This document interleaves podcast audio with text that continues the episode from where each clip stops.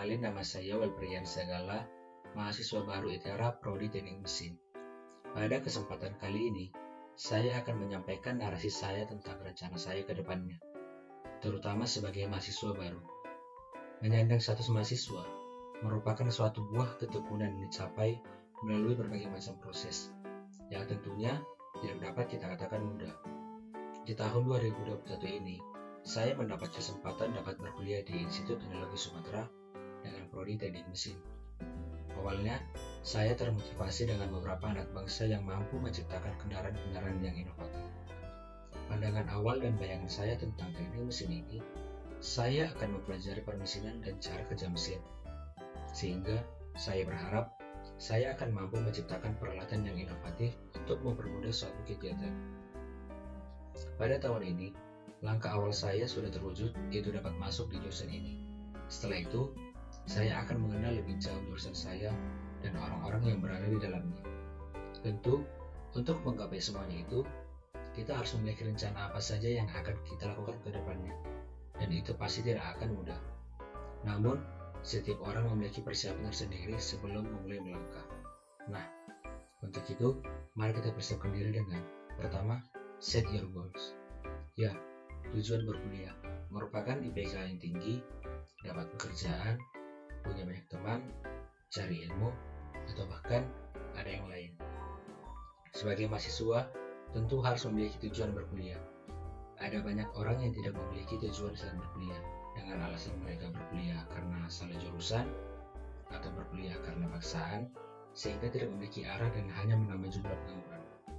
Saya pribadi memiliki tujuan mengejar IPK tinggi dan ilmu pengetahuan agar bermanfaat bagi orang sekitar saya. Juga, saya berkeinginan mengikuti organisasi yang ada di kampus. Kedua, plan your work and do your plan. Rencana merupakan poin penting dalam menyiapkan diri. Kalau dulu masih biasa serabutan, mulai dari sekarang, kebiasaan itu harus dirubah.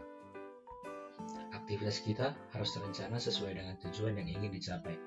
Kalau perlu, buat rencana harian untuk mencapai target. Dengan demikian, aktivitas kita akan memiliki arah yang jelas dan tujuan yang pasti. Yang ketiga, how to learn.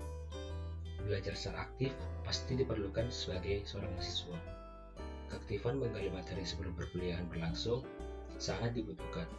Referensi materi perkuliahan bisa kita cari di perpustakaan, akses internet, atau bertanya pada orang lain, misalnya pada senior.